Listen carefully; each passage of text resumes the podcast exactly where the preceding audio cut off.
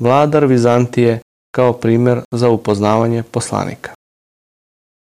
Običaj poslanika mir nad njim je bio da šalje pisma vladarima i da ih poziva u verovanje u jednog Boga i sudnji dan, kao i to da je on posljednji poslanik kojeg je Bog uzvišeni poslao.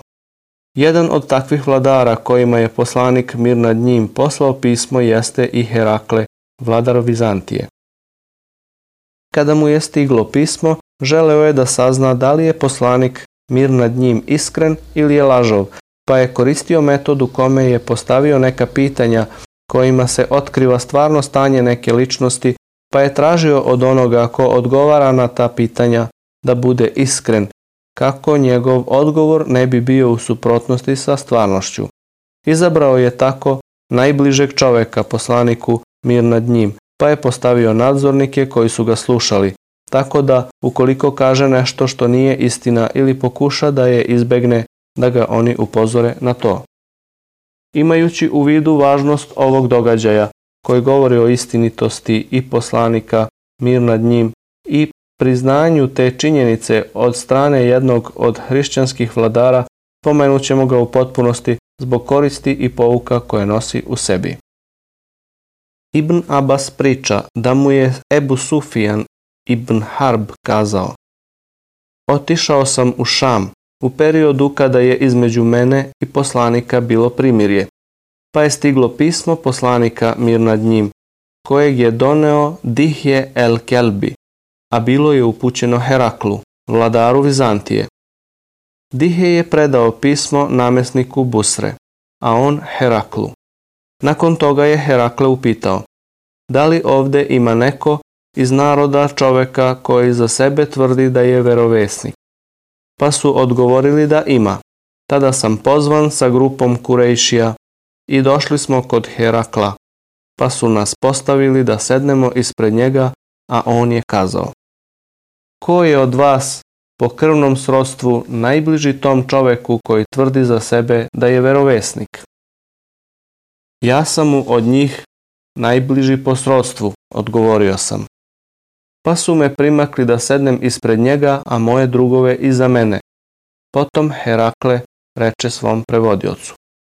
Reci im da ću ja pitati ovoga, ukazujući na Ebu Sufijana o onom čoveku, Muhamedu, a ako mi što god slaže, neka ga demantuju.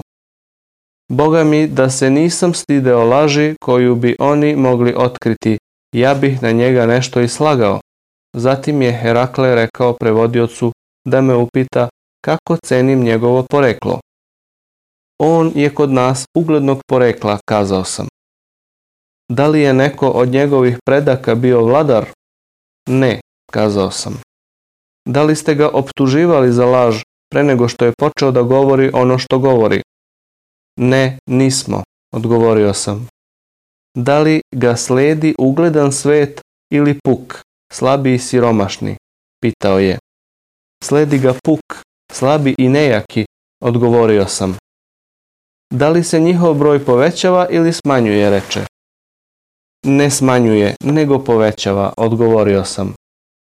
Da li se iko od njih odmetne nezadovoljan njegovom verom nakon što joj je prihvatio? Ne, odgovorio sam. Da li ste se protiv njega borili? Da, odgovorio sam. Kako se borba završavala? Upitao je.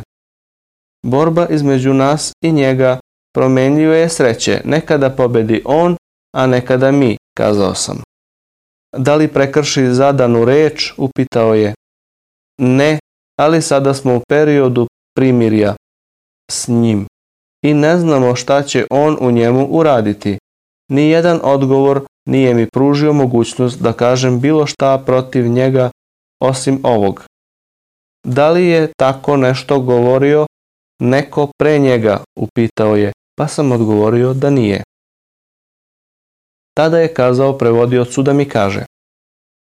Pod jedan, Pitao sam te za njegovo poreklo, a ti si spomenuo da je on među vama uglednog porekla, to je slučaj svih poslanika, oni se pojavljuju u najuglednijoj porodici svog naroda. Pod 2. Dalje sam te pitao, da li je neko od njegovih predaka bio vladar, a ti si izjavio da nije. A da je neko od njegovih bio vladar, kazao bih da je on čovjek koji traži vlast svojih predaka. Pod 3. Potom sam te pitao, da li ga sledi ugledan svet ili od njega slabiji i siromašniji. Ti si rekao da ga slede slabiji, a oni su sledbenici poslanika. Pod četiri. Pitao sam te da li ste ga sumnjičili za laž pre nego što je počeo govoriti ono što sada govori. Odgovorio si da niste, pa smatram da sigurno kada nije lagao na narod, kako bi sada lagao na Boga. Pod pet. Dalje sam te pitao da li se bilo ko od njegovih sledbenika odmetnuo nezadovoljan njegovom verom nakon što ju je prihvatio. Ti si odgovorio da nije. Takvo je verovanje kada njegova lepota obuzme srca. Pod šest. Pitao sam te da li se njegov broj povećava ili smanjuje pa si kazao da se njegov broj povećava. Tako je sa verovanjem dok se ne upotpuni. Pod sedam.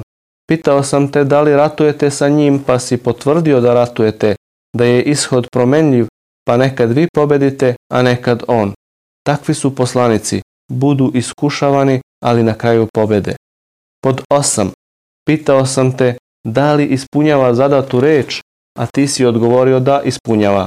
Takvi su poslanici, oni ispunjavaju zadatu reč. Pod 9. Pitao sam te da li je to što govori rekao neko pre njega, pa si kazao da nije, a ja kažem da je neko pre njega u to pozivao, kazao bih da je sledbenih govora koji je nekad prekazan. Zatim je upitao šta nam naređuje, pa sam mu odgovorio da nam naređuje namaz, molitvu, zekat, izdvajanje deva i metka za siromašne, održavanje rodbinskih veza i čednost. Tada je Herakle kazao, ako je to što kažeš istina, on je onda verovesnik. Ja sam znao da će se pojaviti verovesnik, ali nisam mislio da će biti od vas. Kada bih znao da ću do njega dospeti, potrudio bih se da se sretnem s njim. A kada bih bio kod njega, prao bih mu noge. On će sigurno osvojiti ovo što je pod mojim nogama. Kaže Ebu Sufijan. Potom je Herakle zatražio pismo Božjeg poslanika mir nad njim, pa je u njemu pročitao. U ime Allaha, milostivog, samilosnog. Od Muhammeda, Božijeg roba i njegovog poslanika Heraklu, velikanu Vizantinaca. Neka je spasna onoga ko slijedi pravi put. A zatim, pozivam te pozivom Islama, primi Islam, bit ćeš spašen. I Bog će te nagraditi dvostrukom nagradom. Ako odbiješ, snosit ćeš greh svoj i grehove svojih podanika. O sledbenici knjige, dođite reći koja je jednaka i za nas i za vas, da ne obožavamo nikog osim Allaha, da mu širk ne činimo, nikoga i ništa ravnim ne smatramo, da ne smatramo jedni druge bogovima osim Allaha, pa ako to oni odbace, recite, Budite svedoci da smo mi uistinu muslimani. Kur'an poglavlje Imranova porodica.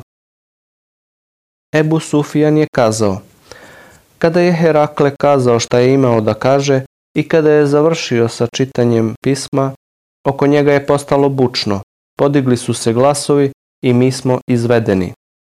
Rekao sam svojim pratiocima da je ugled Ibn Ebu Kebšeta stvarno porastao i da ga se plaši i vladar Vizanta. Od tada sam bio stalno u uverenju da će Muhammed zaista pobediti, sve dok mi Bog nije dao da primim islam.